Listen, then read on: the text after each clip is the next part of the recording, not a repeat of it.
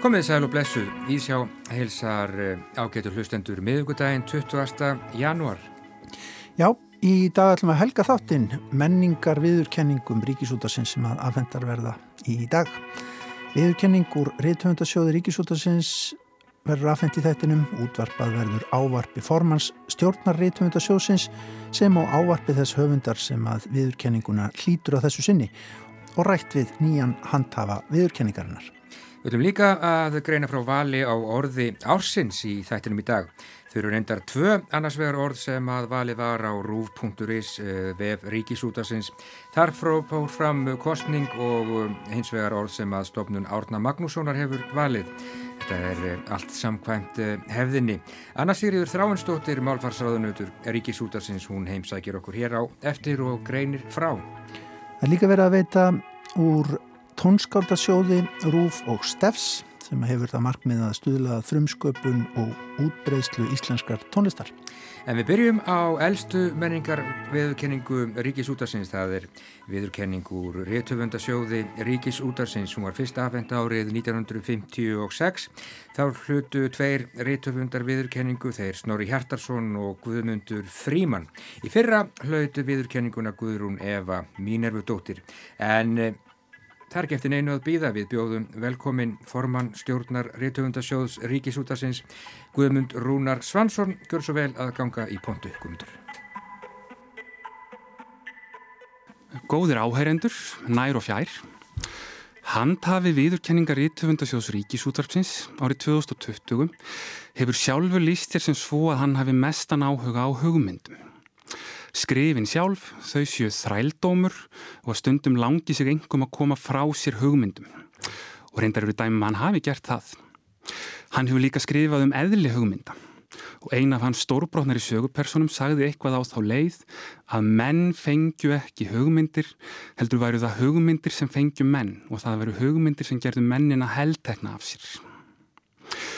Sem rítöfundur hafði hann upphaflega mestan áhuga á vísindaskáldsugum, dystopíum en þó átti það fyrir honum að liggja að verða sjálfur heldtekin af stærstu viðfangsanum okkar samtíma og dvelja við þau megnið af sínum höfundaferli og það eru umhverfismálin. Bæði virkjanamál hér á Íslandi en ekki síður viða miklar breytingar á jörðinni sjálfuri og öllu mannlegu samfélagi vegna hlínunar jarðar. Og skrif hann sem það fjall ekki bara um breytingarnar sem slíkar, hann hefur leytast við að útskýra hvernig breytingarnar séu svo miklar að þær séu í raun handan okkar hugmynda heims og hvernig tungumáli sjálft og orðin sem við kunnum megna þess ekki að fanga umfang breytingarna sem er að eiga sér stað. Og til að koma því áleiðis leitar hann við að fanga í sína eigin æfisögu og fjölskyldusögu sína, í íslenska rimnahefð og en íslenska samnorræna menningararf sem Íslandingar hafa öðrum fremur varðveitt. Og jafnframt þá eru skrifans alþjóðleg, því þú skrifa sér um sér íslenskar deilur, þá hefur þessi nálgun og djúpa insýn vakið aðtikli langt út fyrir landsteinana. Þetta er í 60. og 5. skipti sem Rítumundsjóðurinn veitir árlega viðurkenningu sína og hana hlýtur í ár Andri Snær Magnásson. Viðurkenningar Rítumundsjóðs Ríkisútarsins eru fyrstu og eldstu Rítumundavelun okkar Íslandinga og þær eru veittar fyrir æfistarf höfundar frekar en einstug verk. Þetta æfistarf andrasnæs er eftir vil ekki orðið stórt í blaðsíðum talið en gæðin hafa verið þeimun meiri. Trúlega hefur engin íslenskra nútíma höfunda verið þýttur og fleiri tungumál og öll hans stærri bókmentaverk, hvert og eitt einasta, eru marg verlaunuð bæði hér heima og erlendis og verða þær viðurkenningar ekki allar taldar upp hér. Þó má sérstaklega geta þess að sagana Bláa nettinum var fyrsta íslenska barnabókin til að fá bókmentaverlaunin og að Andri Snær fekk árið 2009 hinn virtu Kairos lista á menningavelun fyrir sjálfsjálfabókina Draumalandið og er hann einir rítöfundurinn fram til þessa sem hefur hlotið þá viðurkenningu. Áður en við eftirlátum andra sviðið þá vil ég þakka stjórnir rítöfundasjóðsins fyrir samstarfið. Aug mín sitja í stjórninni Karl Ágúst Úlsson og Guðrún Eva Mínarudóttir fyrir hann rítöfundasambandsins en frá Ríkisútvarpinu Þorgerður E. Sigurðardóttir og Eiriku Guðmundsson. Andri Snær Gjörðu svo vel. Hæstvirtu fjarstöðu gestir. Ég þakka kærlega fyrir þennan heiður. Verlunin tilhera árinu 2020 og lenda því á 90 ára afmælis árinu og sem elsta viðkenning til Rittvönd á Íslandi þá er það mjög heiður að vera sem lista. Þannig eru flestir af mínum uppáhaldsögundum frá Snorra Hjartarsinni til Sögu Jakobs og Tors, þannig Guðrún Helga gerðir, Þórun Eldjáttn og lengjum á telja. Við ekki væntum að tilera þessum hópi vegna þess að þetta fólk kvekti áhuga minn á bókmyndum. Mér sagt að þetta sé einu verlunin sem er veitt fyrir æfistarf en ég vona nú samt að ég sé ekki nema cirka hálnaður. Fyrsta byrting á verki eftir mig var í Ríkisúðarpinu árið 1994 þegar ég var tvítur. Ég sendi en sögum sjóar á hafmegi í smásagna samkeppni í tilöfna 50 ára líðveldsamælinu og sagan var valin til flutnings. Sá sem færið með tíðindin sagði mætti velja leikara, ég ákvaði að vera djarfur og nefna uppáhaldsleikara minn, Yngvar Sigursson, og það var þúr. Ég starfaði þetta sumar sem verkstjóri hjá Ramagsveitinni Það var eftirminnileg stund þegar ég stöðaði pallbílin út í veikandi, skipta af exinu yfir á rás 1 og beð þólumáður á meðan morgunleikvinn kláraðist. Vinnifélaga mín er sváfið í sögunni sem voru aldrei vonbreiði en síður um sumar var vinnu minn stattur á ströndum og gammal triðlukarl saðan um söguna í endursögn og mér þótti vænt um það. Þetta var áður en einhver í mann eftir útsendinguna eða lækaðu Facebook. Fyrsta GSM-mastrið var ekki reist fyrir í ágúst þetta sama ár. Þarna fekk ég mín fyrstu skáldalaun, gott ef ekki íkildi vikukaups hjá Rámagsveitinni. Þetta var mikilvægt augnablík fyrir ungt skáld þótt að þetta hafi ekki verið stort augnablík í bókmyndasögunni en þetta minnir mig á hvað er mikilvægt að taka vel á móti þeim sem stíga sín fyrstu skref út á skáldabrættina. Að eiga útvarp sem segir sögur og samfélag sem tekur á móti verkonum, dæmir þau og krefur og hvetur til að ráðast í stærri verkefni. Það skrifar nefnilega enginn inn í tómarúmið. Ég vald að sé bókmyndirna fyrir mér sem hugssjón. Það eitt að skrifa fyrir okkar samfélag hefur verið hugssjón fyrir mér. Að búið sögur fyrir samtíman, þróa listformið, að reyna að hafa áhrif með orðum, hvort sem það er með ljóðum í nýju samengi, að gera barnabók, vísendaskáldsögu eða skrifum framtíð jarðar í tímanum á vatninu. Þegar ég skoða ferilinn þá eru margir sem koma hverju verki, þeir sem kvekti laungunlega skrifa, yfirlesarar, útgefundur og rittstjórar, magga sem lesi yfir, vini mínir, fjölskylda, svo eru samstarfsmenn í leikhús og kvikmyndagerð Kápuhönnuður umbortsmenn og ekki síst þýðendur. Þátt þýðenda má ekki vannmeta vegna það, það er ómetalegt að geta unni við að hugsa og skrifa á íslensku og eiga samtal við ítalskan eða pólskan lesenda um verkið innan við árið síðar. Það skipti máli þegar ég byrjaði að skrifa að eiga sér fyrirmyndir í starfandi hópir réttvönda. Það er ekki sjálfgeðu svo stór hópur sem í bækur fyrir jafn lítið land. Það gerist ekki að sjálfu sér, heldur að tekinn ákverðin um að rækta upp atvinnumennsku í bókmyndum. Lögum stöðning við listamenn frá árinni 1991 gjör breyttu starfskilirðum reythund á Íslandi. Mörg bestu verk síðustu áratögu eiga þessum sjóði mikið að þakka. Hundru bóka sem hafa rata til miljónar lesendum allan heim en það hefur árið sprenging í útgáð erlendis. Og þetta gerðist ekki af tilviljun vegna þess að framsýni stjórnmálumenn þeir skipta máli. Þegar ég byrjaði að skrifa þessa ræðu þá myndi ekki hver var mentamálaráðara sem samti lögin árið 1991. Ég flettiði upp og mentamálaráðara þá var Svavar Gesson. Hann fjall frá fyrir nokkur um dögum og vil nota tækifæra á þakkanum fram sínna og votta fjölskyldans saman mína. Þegar Íslensk bókmyndasaga frá 91 er rituð ætti nafn hans að koma fram vegna þess að það þarf innblástur og hæfileika til að skrifa bók en ekki síst tíma einbyrtingu og samfellu. Og laugin tryggðu íslenskum bókmyndum einmitt þetta. Sem listamár getum að valið að skapa fyrir það form sem er tiltækt okkar um tíma og miðlarnir eru mjög skamlir. Útvarpið er 90 ára, fyrsta kvikmyndasýningin var hérlendis fyrir 117 árum, sjónvarpið er 55 ára, internet fyrir almenning ekki nefnir 25 ára, snjálfsýminn cirka 13 ára. Bókin er 580 ára ef meðar við Gutenberg og stafróið íslenska er 900 ára, elstu leikritinn 2500 ára og listin að segja ljóð og sögur er jafn gömul manninum. Hvað miðill verður til næst, getur maður spurt. Kjarnin í þessu öll er löngunni til að segja sögur, að koma ykkur á framfæri, búið list úr orði með hugsunum, löngun til að muna eða láta muna eftir sér, til að skemmta, til að tengjast öðrum, hafa áhrif á heiminn. Hjá mér hefur skipti rektun henda best í listforminu, eins og bondi sem við heldur frjósimi með því að rekta korn eitt árið, graskerið næsta síðan solblóm og leipaði villigróður í fjörð árið, þá hef ég skrifað ljóð eitt árið, barnabók næsta, fræðiritt þar næsta og svo er ég kannski tindur fjörð árið. Að skrifa er að sykla með óvissunni, að vera vakandi, að fylgjast með, að taka eftir því sem að tekur eftir, eins og Þorvaldur Þorsteinsson komst á orði. Við búum við stöðugar tilraunir á samfélagokkar og umrótinu sem fylgja þeim. Það skrifar enginn í tómarúmi en núna er vandin hvernig á að skrifa en í tróðfulla rými. Hver er þörfum fyrir bækur þegar heimurinn er svo stappfullur af upplýsingum? Það er vandi að fjata milliveginn þegar ný tekník kemur til sögunar. Það getur verið bláeg, ofsarhefning eða tortrygni. Maður vill ekki vera afturhald en við getum líka sofið á verðinum. Það var bilding að tengja saman heiminn gegnum internet og samfélagsmiðla. Það hefur verið magna að upplega breytingarnar þar sem hver veit getur komið hugsunum sínum óriðstyrðum millilegðalust á framfæri. Og það eru auðvitað magna að geta láta allir vita hvað maður fekk í hátíðismat og byrta andlitið sitt daglega en hvers virði það er til langstíma er endur annar mál. En við sjáum allt í núna að tímaþjóðarnir eru raunverulegir og útöksaðir tímaþjóðar. Oft hefur maður lagt frá sér skáldsögu þegar síminn pýpir og rankar við sér tveim tími síðar yfir myndbandi að fyndnum gætlingum.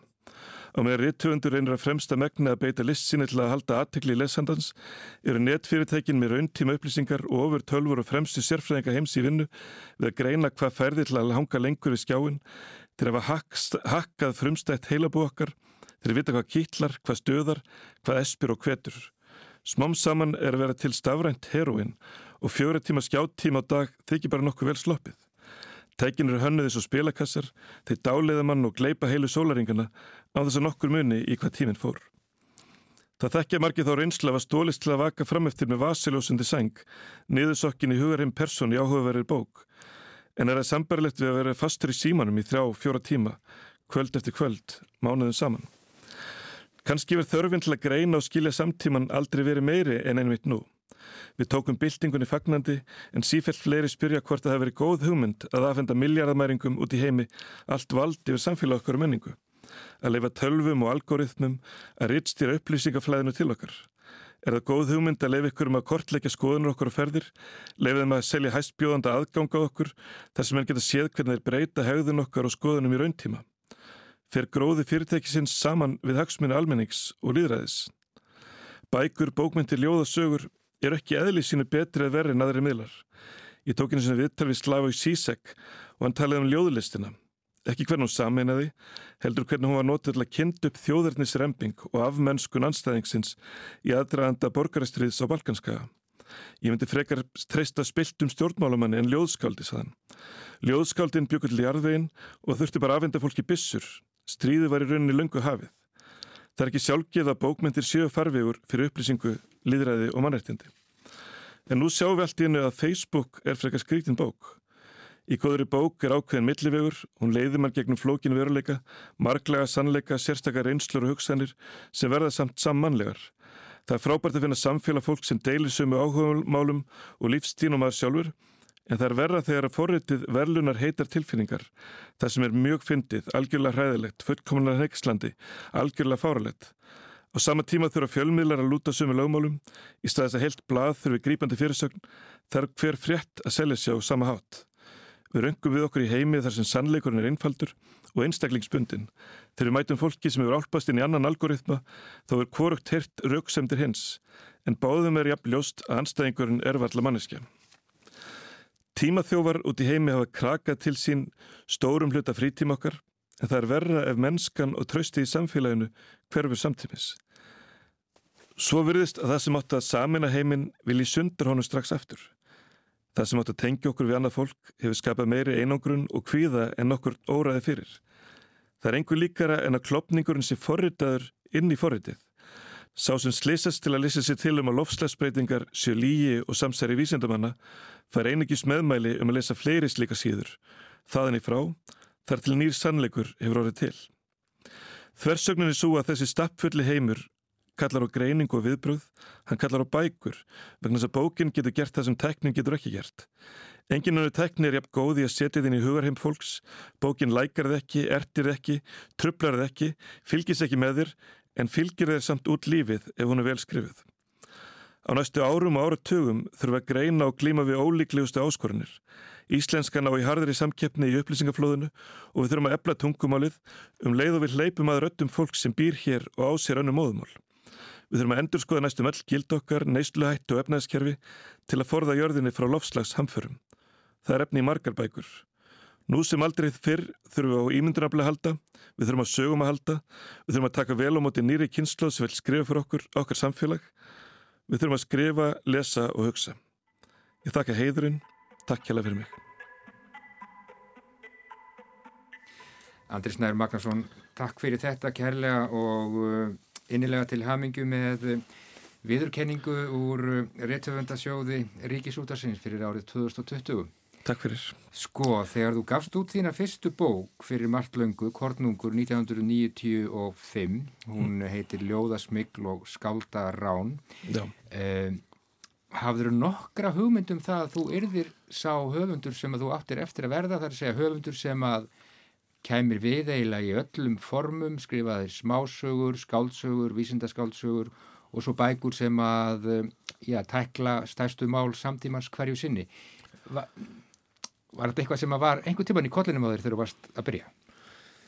Þetta er frekar sérstætt að ég man að mann fannst alltaf síðasta bók vera síðasta bók vegna sem maður vissi ekkert hvað kemur næst mm -hmm. og ég var í rauninni eins og 96 þá hafði ég gefið allt í þrjár bækur og ég var búin að sópa upp eða öllum öllu sem að ég hafði hugsað frá bara 17 til 23 ára og ég var bara algjörlega búin algjörlega búin að gefa út allt sem var einhvers verði og en þá gerðist það að ég fekk svo mikið áhuga á rímónum og, og ég hef átt það til í rauninni gegnum alla ferilinn að finnast eitthvað að vera merkilegra en það sem ég get skrifað.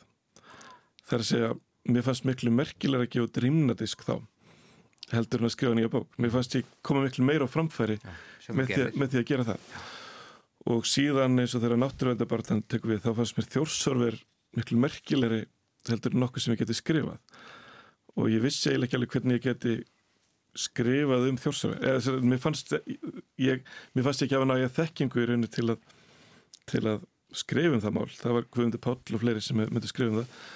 En mér fannst sagt, bara í aktivismannum og í því að við ekki aðtikla málinu að það fannst mér miklu mikilvægara heldur en einhver bók. Þannig að ég hefður ekki aldrei ráðurlagt þessum unga manni með fyrstu lögbókinu sína að, að, að verða réttuvendur sko. Nei, þú sagðir hér rétt á þenn að þú hefði litið á og litir á bókmyndir sem sko, sem hugssjón sko, þegar Draumalandi kemur út hvað, 2006 er það ekki eitthvað slíkt Jú. að þá vekur hún alveg óskaplega mikla aðtikli, ég man að ég uh, var að kynna víðsjá þá og ég segði skömmu eftir að bókin kom út að að við ætlum að fjalla um bók sem að bókstaflega allir eruð að lesa. Og Glöggur Hlustandi skrifaði mér strax í kjölfærið og, og, og leiðrætti mig og sagði að það veri útlokað að allir væri að lesa þessa bók en það var einhvern veginn þannig bara til dæmis áhrif uh, þeirrar bókar uh, áttur eitthvað tíman von á því að hún kemi með slíku afli inn í um, umræðuna eins og hún gerði á sínum tíma? Það, það var mjög sérstrætt að eila vikuna sem Draumalandi kom út áður en kom út. Þá sagði ég konu mín að núna erum við tíma í líf okkar sem er fyrir draumalandið. Vegna þess að ég skinnjaði einhvern veginn að, að, að ég væri að fara svona umbreytast varanlega bæði sem höfundur og, og gagvart almenningi og öðrum að ég væri að ég var mjög hrættur sko. Að, að ég væri að fara að styggja einhvern og, og ég vil að já, styggja einhvern meira heldur en ég hefði, hefði viljað sko. Og og, og eins og í draumalandinu þá þá hef ég alltaf þarf ég alltaf málefnið að vera svona bara mikilvægast í heimi. Ég þarf, ég þarf að selja mér það að það er ekkert mikilvægara heldur en að gera akkurat það sem ég er að gera þá stundina. Mm. og það árindar við um bláa nöttin líka og, og, og og svona það verk sem ég er að vinna hvað, það skiptið og mér sé að rýmnadiskurinn að, að það var bara ekkert mikilvægir í heiminum og ég fletti bliðunum og fannst alveg óþróðið það er ekki að tala um rýmur hérna í dag í, í mókarum, þetta er alveg glemtur heimur. Og, og hvað er að? Og, og þannig að ég er, svona, held ég hæfileika til þess að svona finnast hlutir setja super einbindingu í hluti og það er í rauninni komið óvart og kannski ég var undirbúin, svona búin undir eitthvað svona vonbreiði að að það myndi seljast fá eintök og ég myndi eitthvað mér bara sparka út í tómið en, en ég hafði samt einhvern grunum að um að hún myndi áhrif og ég mann þegar að ég sá einhver áætlun hjá útgjóðandanum einmitt sem voru 800 eintökk og ég sagði að ég var ekki sittast neyri þrjú ár til að selja 800 eintökk á þessari bók sko. og bara, bara sorry sko. og hún seldi sér endur í 23.000 og mér fannst það líka bara svona svona merki líka um að bókin væri enþá gildur miðl mm. og, og, og, og ákveð og í rauninni bara bóka formið og það fari gegnum 200-300 blaðsina ferðalag þú ferð ekki gegnum það á netinu og þú gerði heldur ekki sjónvarpi. Það, það er engin miðil sem að getur leitt í gegnum sko hugsanar keðjur í, í neina öðru form í rauninni. Nei, nákvæmlega. Ég var aðeins svona týrætt á hann í áarbeðinu um þessa merð sem er eiginlega fyrir framann okkur af upplýsingum, upplýsingamengun í rauninni sem við upplöfum á kannski hverjum degi og sjáum bara er til dæmis að rýfa í sundur einhverja mestu þjóð veraldar núna og bara vorum dögum síðustu, síðustu vikum og mánuðum. Eh, sko þú ert samt á því að sé hægt að sko smigla þarna bóku bóku inn á milli inn í þetta, inn í þetta Ég, ég heldur sem að okkur bernsku skeiði í umgengni við internetið. Er það ekki? Jú, við erum svona mennalæra við erum svona einhver, einhvers konar frumbyggja þjóð sem, sem fær bara eitthvað tækip í hendurnar og veit ekkert hvað það er og við erum að, búin að gera alls konar tilraunir og ég sé við þurftum örglega við hefum þurft mörg já, það hefur tekið mörg hundru árað svona umgangast bókina bara reynlega og, og, og, og útvarpið og ég held að það er ákveð svona stjórnleysi búið að vera í, í kringum netið og svona er alltaf að umbylta sér og það, það veldur svo rætt stjórnmálinu og enginn í rauninni getur náðu tökum á því skóla kerfið er kannski ennþá að kenna MySpace þegar loksist búið að gefa bók þegar, MySpace er ekki til lengur þannig að það, það er, það er svo, svo, kvikvöld og það reyfist svo öll og, og maður notar síðan internetið mjög mikið sjálfur og, og það gleipir mann og en síðan eru veldinu verið að sjá þessi fíkni áhrif að, og þeir sem eru eiga börn sko bara hvað, hvað þetta er ótrúlega áhrifamikið miðill fyrir, fyrir krakka og úlinga mm -hmm. og við sjáum alveg hvernig við erum búin að missa heila kynsla út af bókmyndarum bara inn, inn, í, inn í þetta, þetta form en ég veit ekki til langstíma hvað áhrif það hefur eða, eða hvernig þau mun upplifa að þetta hafi verið. En ég myndi segja að maður er í rauninu að fara varlega og, og, og maður á að vera umbyrlendur en síðan í, í viðskiptum á maður að er sjálfsagt að vera í samkefni þar segja, þar segja svona í samfélagslega þá maður að vera umbyrlendur og þykja tæknina en, en ámaður að aðfenda einhverjum einhverjum miljardamæringum út í heimi, bara allt sitt líðræðið og upplýsingaflæðið og, og, og í rauninni bara efnið sitt og bara, bara vegna þess að maður er svo umbyrlendur og, og taka því sem gefnu að, að það verði farið vel með þetta.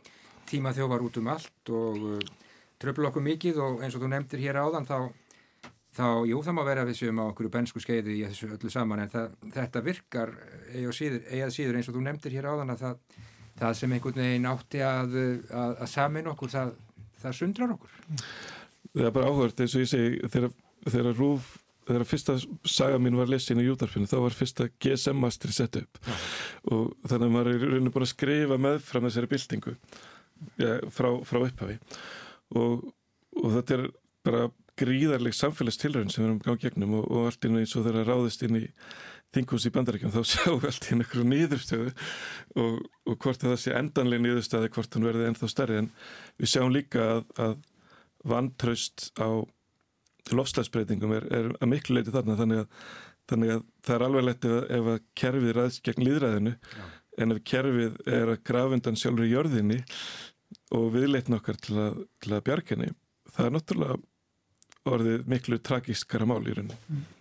Af því hún nefnir þessi stóru viðfangsefni sem eru viðfangsefniðin í tímanum á vatninu af því að það er nú svona innáskipting í bandaríkunum bara akkurat í dag að vera hérna, svissa út manni í kvítahúsinu að þess að förum eitthvað nánar út í það en það sko verkefnin sem eru framöndan og þú útlistar til dæmis í þeirri bók eru þannig að þjóðunar þurfa að taka höndum saman. Það er bara, við vitum það. Það er algjörlega alveg, algjörlega kýr skýrt eins og ég þumlega myndi segja. Og, og þá dansa, dansa hérna liminir eftir höfðinu Já, það er náttúrulega eru vonar það er, það er náttúrulega hann varða að koma stað og, og þetta verða fyllt af málamílunum og, og öðru John Kerry er þarna yfir og ég, ég þekki nú konuna sem var skipið svona yfirmaður vísinda mála í bandaríkjunum mjög gáfið þarna svört kona þannig að þetta er svona algjörði pólar svona það sem einhverjir brjálaðir gamlir fauskar er, er skipt út fyrir sko, svona brilljant yngri konum ja. og maður vonar að, að það verði álveru breytingan með þessu mm -hmm. Og þjóðurinn fara að tala sér saman eitthvað upp, upp og nýtt um þetta setja alveg markmið Já, sko, svo getur náttúrulega vel verið að, að þjóðir verði bara að byrja vegna þess að það er líka um leið og þróar hagkerfið í átta lofslagsbreytingunum þá, þá að loku muni lögin vera sett. Það er að segja fyrirtæki bræðast ekki við þessu og, og og ef bandarísk fyrirtæki eru ekki löguð að nýjustu reglugjörðin en Evrópa byrjar þá munir þau fyrirtæki bara degja það er að segja að þetta er svona eins og að laga sig að að liðræði eða, eða jafnbretti eða, eða eða bara vennilegri mengun að, að, að þeir sem að laga sig ekki að þessum vísindum og halda kannski komist upp með því smá tíma þeir munir bara verða eftir á mm -hmm. vegna þess að lokum það kemur miklu rótækari kynslu ég held að ef svo tíu ári verið Greta-talinn svona bara svolítið afturhald vegna þess að, vegna þess að það, það, nýja kynnslóðin hún mun hún mun vonandi eða, verð, eða sko hún lítur að sjá hvað þetta er stort taksmennumál fyrir þau að ef að barn sem fæðis í dag verður fórseti eins og bæten þá verður það barn fórseti árið 2097 mm -hmm og allar tölur eru mjög skuggarlegar svona, í, í öllum vísenda gögnum um hvernig umhors verður í heiminum þá Já.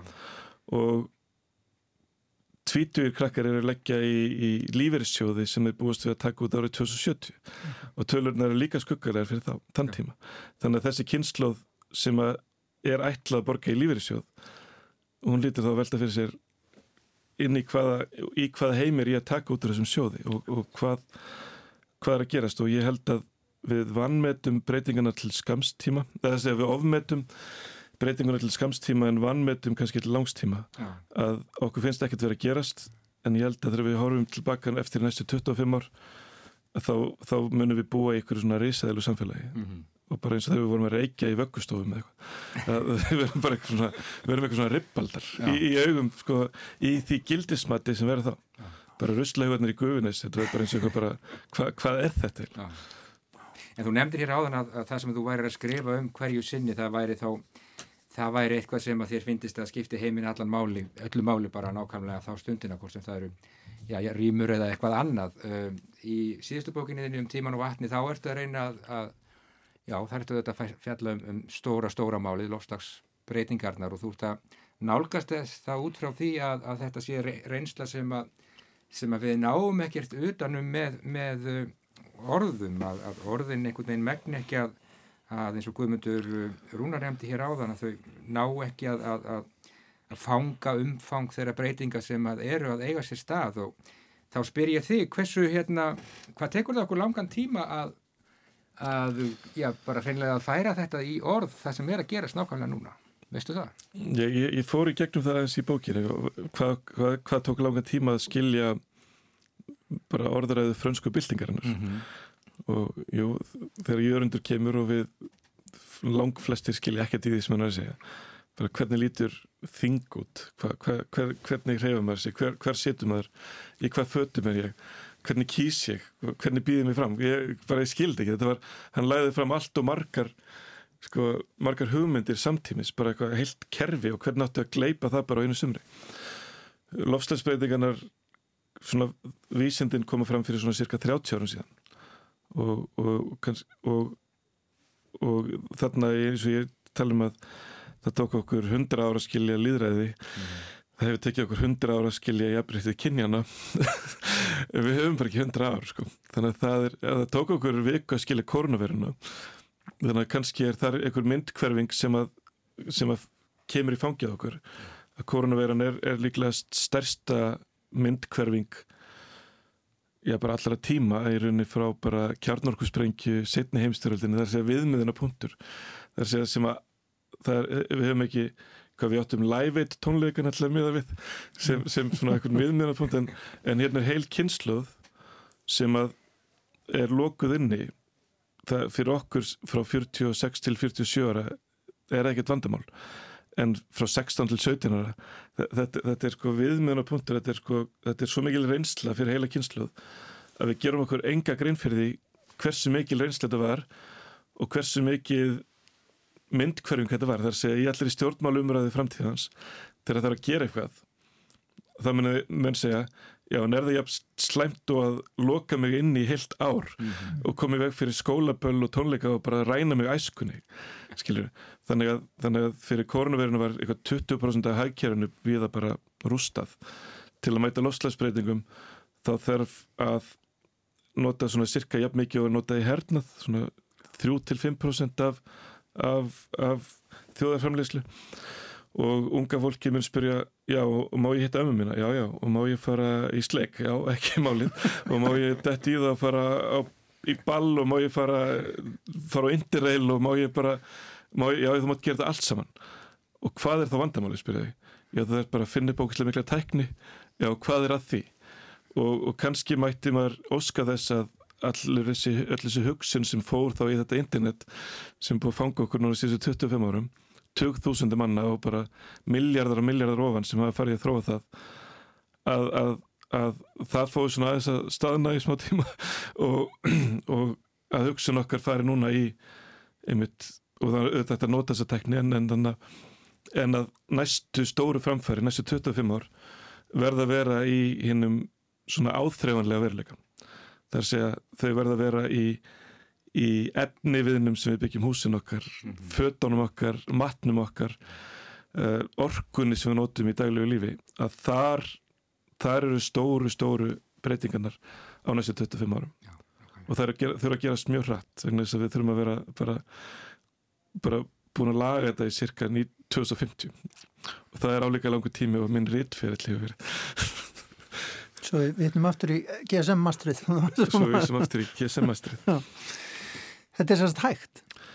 Sko vísindamenn segir þetta sé hægt og svona teknilega, við höfum all tólinn nú þegar þannig að vil þó að finnum ekki upp nýja tekni þá er það hægt en við erum síðan svolítið bjart sína á mannkynnið og hversu rætt er mitt menn að skalaði upp hluti frá GSM-masterinu 94 mm -hmm. yfir í að þarna hver, likur, ja, hver eins úlingur liggur upp í rúmi í fjóra tíma núna í, í ykkurum galdraskjá að, að þá þá er, getum við skalað upp hluti ef við viljum það og höfum sínt fram að við getum það og það, það, það er eiginlega vísindilega sannað Já.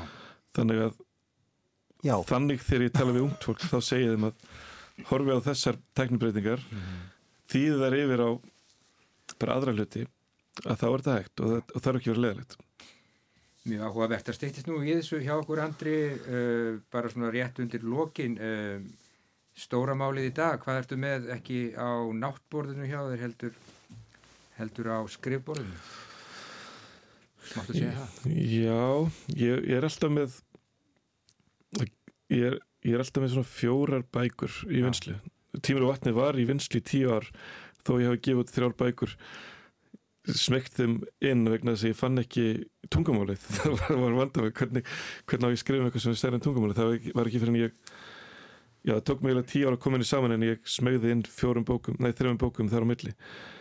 Ég með draugað skáldsugum tveimur barnabók sem getur verið eina eða fjórar ferðasögu en síðan er ég á klippiborðinu með, með litla heimildamind þar sé að ég gerði þriðapólinn sem var frumsýnd með Anni Ólafs hérna, var frumsýnd í sórpunu núna um jólinn og við skutum aðra mynd í koronafaraldrinu til þess að spurja hvað er loftinu. Já, Þessi, eins konar tídægra þess að fanga hugsanir fólk sem upplifir það að heimurinn nefnum staðar. Og, og við vissum í raun ekkert hvað við vorum að fara að gera heldur bara, bara hugsaðum sem svo að sama hvað maður fangar þá er það merkilegt. Þess að tíman er voruð það merkilegir. Og hvort sem maður myndi gera mynd strax eða leggja þetta bara inn í þjóðminnarsafnið til að sækja eftir hundra ár að, að þá væri mikilvægt að gera þetta. Skulum vona að all þessi verk verði bara hreinlega að veruleika. Við erum búin að fara víða hér í dag allt frá GSM möstrum og yfir í, yfir í stafrænt eh, heroin og orðið svolítið langt síðan að Andris Nær Magnarsson skipti af exinu yfir á rás 1 þegar hann var að vinna hjá Ramagsveitunni fyrir að hlusta á Yngvar E. Sigursson lesa skálskap eftir sig Andris Næður Magnarsson hann fær viðurkenningu úr Rittvöndasjóði Ríkisútarsins að þessu sinni fyrir árið 2020 og uh, aftur til Hamingju og hann er auðvitað mjög vel af því komin en Gunni Tómasson við ætluðum að spila lag fyrir andra. Já. Kemur bara eitt í greina. Það er bara eitt í glima, greina. Hann bara hlustar á það. Já, takk fyrir komin andri. Takk kjælega fyrir mig. Takk, takk.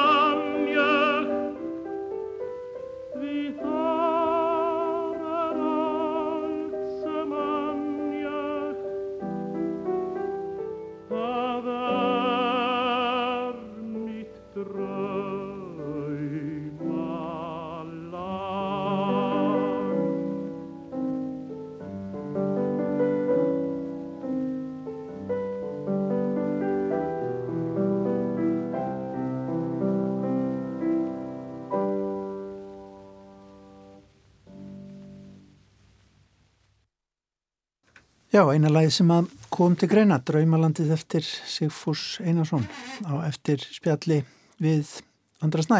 Já, texti eftir Jón Trösta, ekki sætt? Jú, Einar Kristjánsson söng og, og Fritz Weisabel leik með á Já. piano.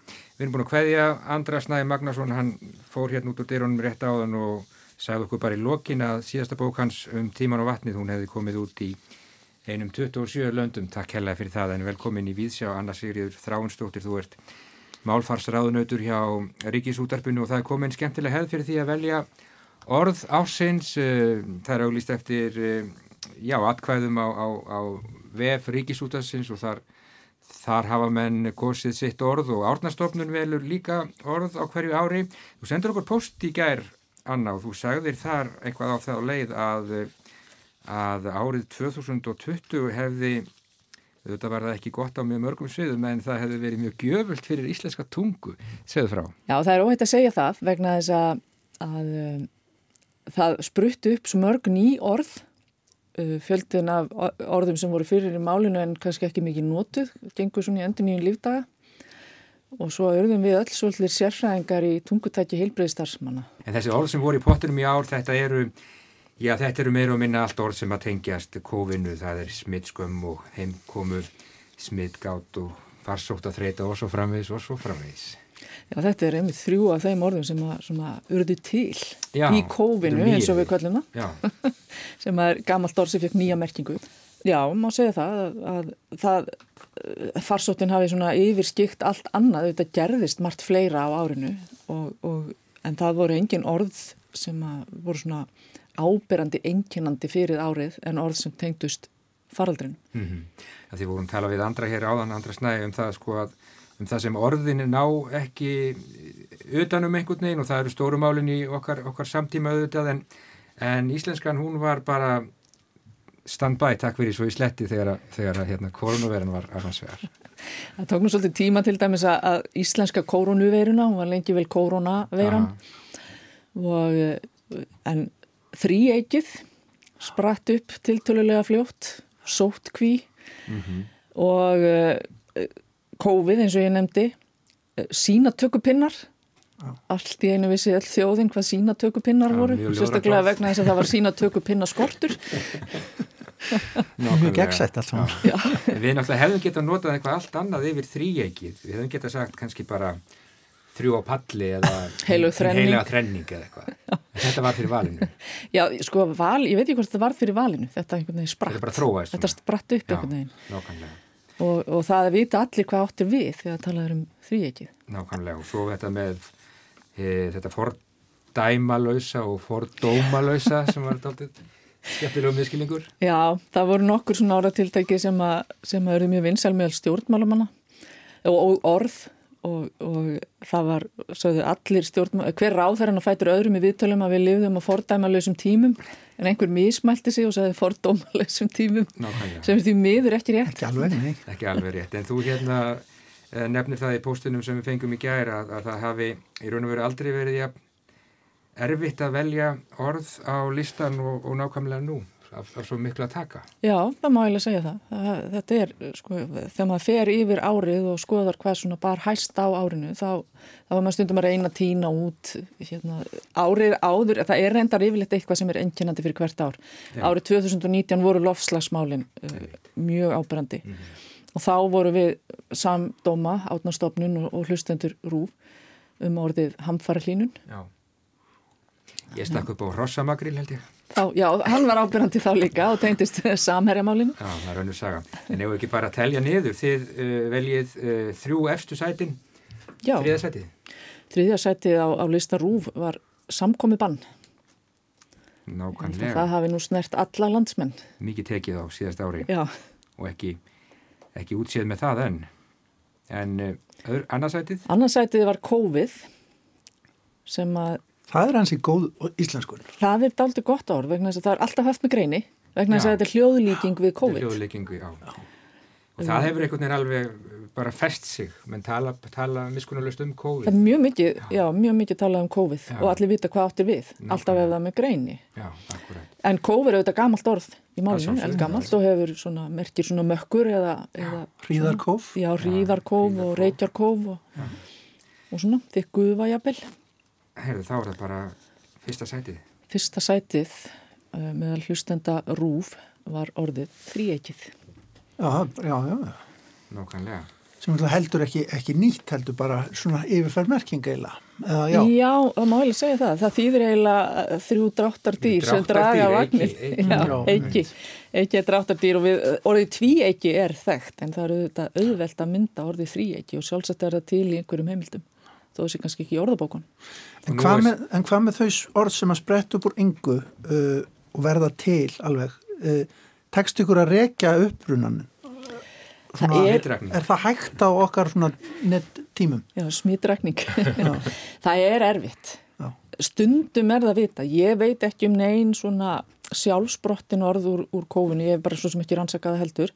Átnastofnun held ég að hafi nú ekki farið út í það heldur að, að það er erfitt að finna hver var fyrstur til að nota orð eins og COVID til dæmis eða, eða uh, tala um uh, COVID-a svo dæmis er nefnd. En þetta orðu þrýeiki það hlautu afgerandi kostningu á rúf.is og, og nú er þetta orð þrýeiki það er bara útskýrt þannig að það er um að ræða þrjá einstaklinga sem er í, í forsvari fyrir tiltekið málefni. Já, það er komið þannig inn í íslenska nútímamáls orðabók. Já, um mig.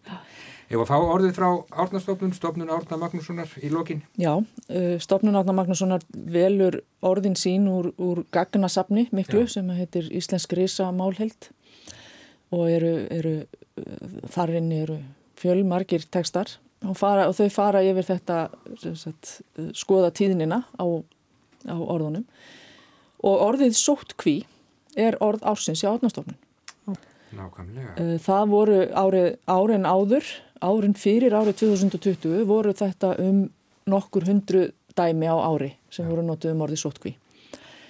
Það fór í 24.000 á síðast ári. Já. 24.000 dæmi. Það er ekki alveg nautgripir og eitthvað slíkt? Áður, jú, búfinnar og já. gæludýr og, þess að það. Bara í sótkví. Já, svo lendum við bara í henni líka Já Við vorum semst algjörlega með þetta á heilanum árið 2020 Já, faraldurinn, það komst ekkert annað Við töluðum ekki um neitt annað. Nei. og hérna þessi, þessi listi hjá Rú.is, hann sýnir það og svömmulegis valið hjá stofnun Árna Magnússonar.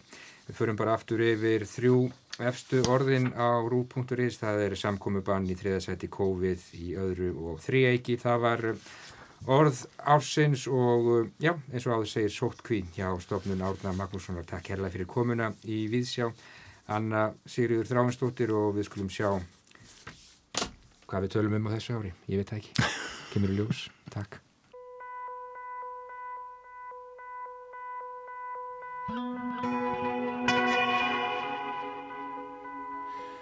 Já, þá fyrir að stýttast í þessu hjá okkur, Erikur Já, heldur betur. Við uh, höfum hug á því að uh, fjallaðins um tónskáldarsjóð Ríkisútasinn sem að er uh, mikill og, og öflugur og þar koma, koma margir við sögugunni. Já, tónskáldarsjóður Rúf og Stefs. Já. Hann hefur það markmið að stuðlað frumsköpun og útbreyðslu íslenskar tónlistar og gerir það myndarlega.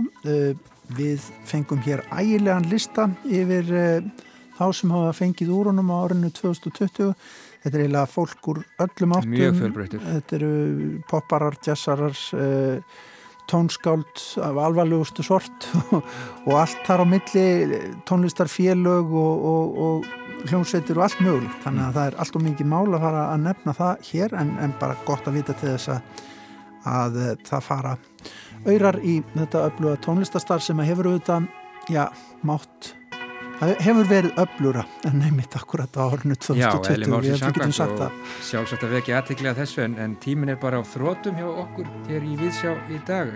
Víðsjá í dag helguðu menningar viður kenningum ríkis útarsins og við minnum á að nánar verður fjallað um viður kenningarnar í menningunni í sjónvarpunni kvöld. Þar kemur Andri Snær Magnason eðli málsins samkvæmt við sögu sem og orð ársins og Rástfö afhendir eh, tónlistarmanni hins og kallaða Krók fyrir framúrskarandi lifandi flutning á árinu 2020 en við ætlum að segja þetta gott í dag hverjum hérna úr hljóðstofu nr. 9 í efstaleiti nr. 1 við sá hér aftur á sínum stað laust eftir klukkan fjögur á morgun og þá ætlum við nú að gera ímislegt guðni þú ert með hugan við merkan listfræðing til dæmis Já, Þóra Kristjánsdóttir hún er heiðusfélag í listfræðafélag í Íslands þá að halda málþingum hana um helgina Já.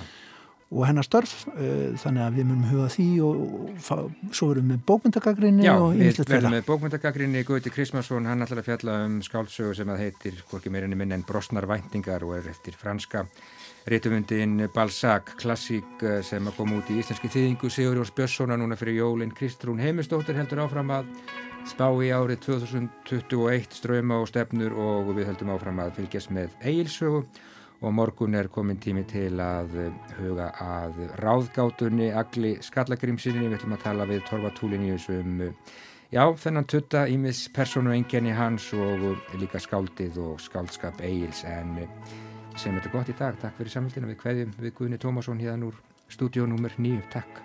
Er þið sæl